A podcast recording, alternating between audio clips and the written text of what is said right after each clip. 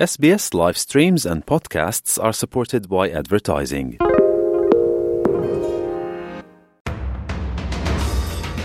You're listening to SBS News.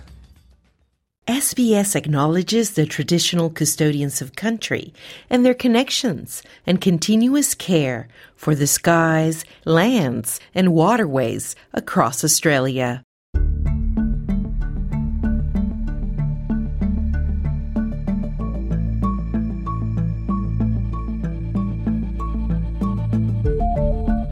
Hi there. G'day, and welcome to this episode of The Settlement Guide, a series where we help you navigate life in Australia. Whether you arrived today, have been living here for years, whether you were born in Australia or you're planning to move here shortly, this series is for you. My name is Claudianna Blanco, and I came to live in Sydney more than a decade ago, and I'm still learning about life down under every day.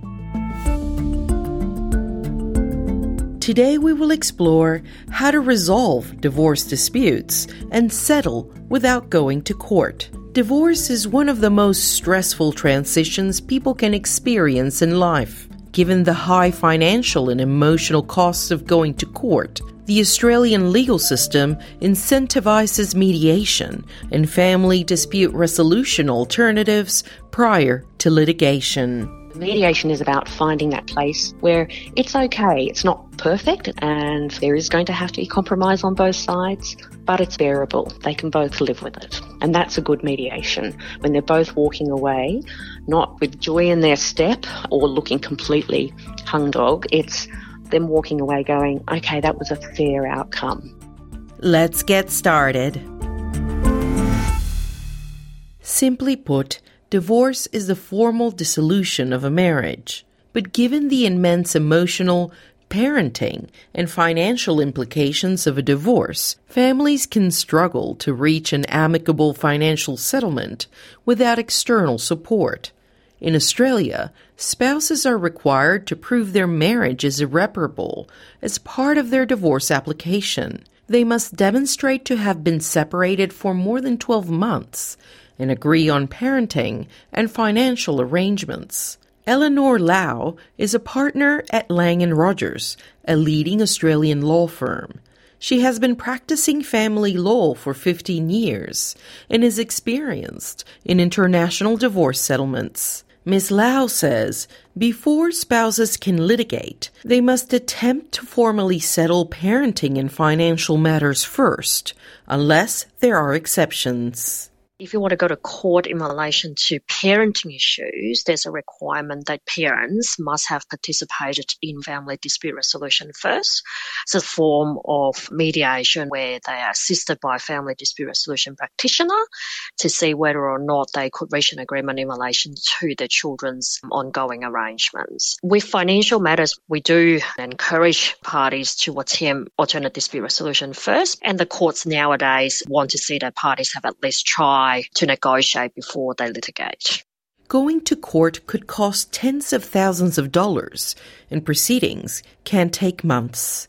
Valerie Norton has been an accredited family dispute resolution practitioner, or FDRP, for 12 years. She says figures show around 90% of divorcing spouses solve their disputes themselves without going to court.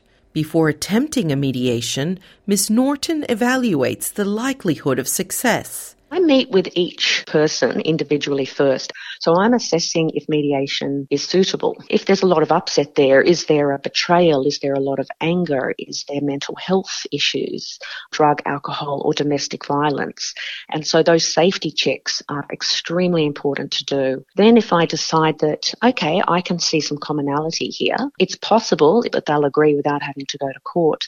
Then we all come together for a joint session to discuss each topic one by one. During mediation sessions, Ms. Norton helps clients and their lawyers negotiate settlements. She attempts to steer them away from the emotional upset to focus instead on the practical outcomes that will benefit the parties and their children, if any. Mediation is about finding that place where it's okay, it's not perfect, and there is going to have to be compromise on both sides, but it's bearable. They can both live with it. And that's a good mediation when they're both walking away, not with joy in their step or looking completely hung dog. It's them walking away going, okay, that was a fair outcome. Australia has a no fault divorce. This means one spouse can apply for a divorce without the other's consent, and there is no need to state the reasons why they want to end the marriage. Contrary to popular belief, property and assets are not necessarily divided in even halves. Lawyer Eleanor Lau says parties must seek legal advice and apply specific criteria in a property settlement, the first step is we need to work out what's there to divide. So obviously the wealth within Australia, but also wealth outside of Australia will all be taken into account. Then there are different types of contributions that we will um, consider and, and do an assessment financial contributions, non financial contributions, and contributions as a homemaker and parent. Valerie Norton says determining how each spouse has contributed to a relationship can be a complex, formulaic exercise one of you brought a million dollars into the relationship or the other one brought in debt, that's a consideration when you're separating. The second thing is your contributions during the relationship, and that's both financial and non-financial. And that's not how much money you earned at work, because being a stay-at-home parent is considered equal to being a CEO who's on a million dollars a year. It's more about did your parents give you money to buy a house or did you live with them for years to save up for a house? Did you inherit? those sort of things. The third consideration in a property settlement is factoring each spouse's future needs. This analysis looks at each spouse's age, earning potential, and overall health, among other aspects, to determine the percentage of how the asset pool will be split.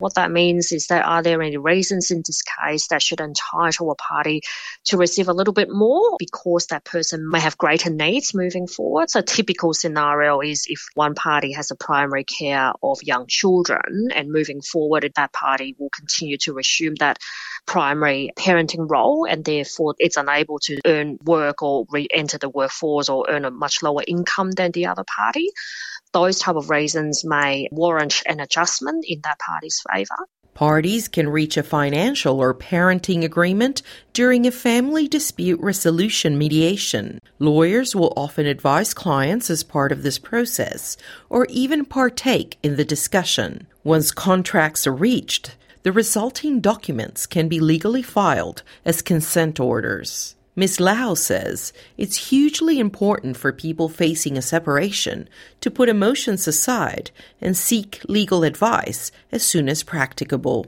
Sometimes parties may delay because they are not ready, but I think it's important to know where you stand, what your rights and obligations are, and then you can take some time to think about it in terms of what you want to do. But I think it's very important that you get legal advice as soon as possible, especially if overseas assets are involved. Signing a binding financial agreement before the start of a relationship or during its course may be useful for those who wish to avoid the stress of a potential future separation. Binding financial agreements can be used as final settlements. People who don't have considerable wealth and cannot afford a private lawyer or mediator can obtain advice from legal aid or community legal centres. They can also contact Relationships Australia, a government funded service which can help families going through a separation by providing limited legal advice and connecting them with free or low cost accredited mediators and counsellors. Relationships Australia CEO Nick Tebbey explains going through a relationships australia type service can minimize a lot of the costs that you would otherwise incur by going to lawyers. Um, so obviously if you can avoid paying all the legal fees that go along with going to court then there's more money left to deal with all the other things that, that you want to deal with. Although relationships australia cannot represent clients in court they can provide emotional support and counseling services to families going through litigation We're much more than just a, a transaction based service. So we don't just look at the, the divorce and, and resolve who gets what. We help people work through everything that goes with that. There's a whole lot of emotion. There's a need to process that and to, to work through that. And if there are children involved, there's obviously an ongoing relationship between those parents, even if they are divorced. You can contact your local Relationships Australia office and book an appointment. Alternatively, you can call the Family Relationships Advice Line. Legal and mental health experts say the most important thing you need to consider when divorcing is the future needs and well being of your children, if you have any. Part of the healing process comes from accepting that relationships change. Some relationships aren't meant to last forever. They can be really positive and successful relationships while they last, but people can move on and, and still have really happy and, and successful lives, maybe have new relationships afterwards. By accepting that and removing some of that stigma and shame around what a divorce is, we're actually accepting that it's actually just a normal process, focusing more on what needs to be done from a practical perspective than that emotional blaming process. Thank you for listening to this episode of The Settlement Guide, written and produced by me, Claudianna Blanco. The Settlement Guide managing editor is Rosa Germian. Until next time.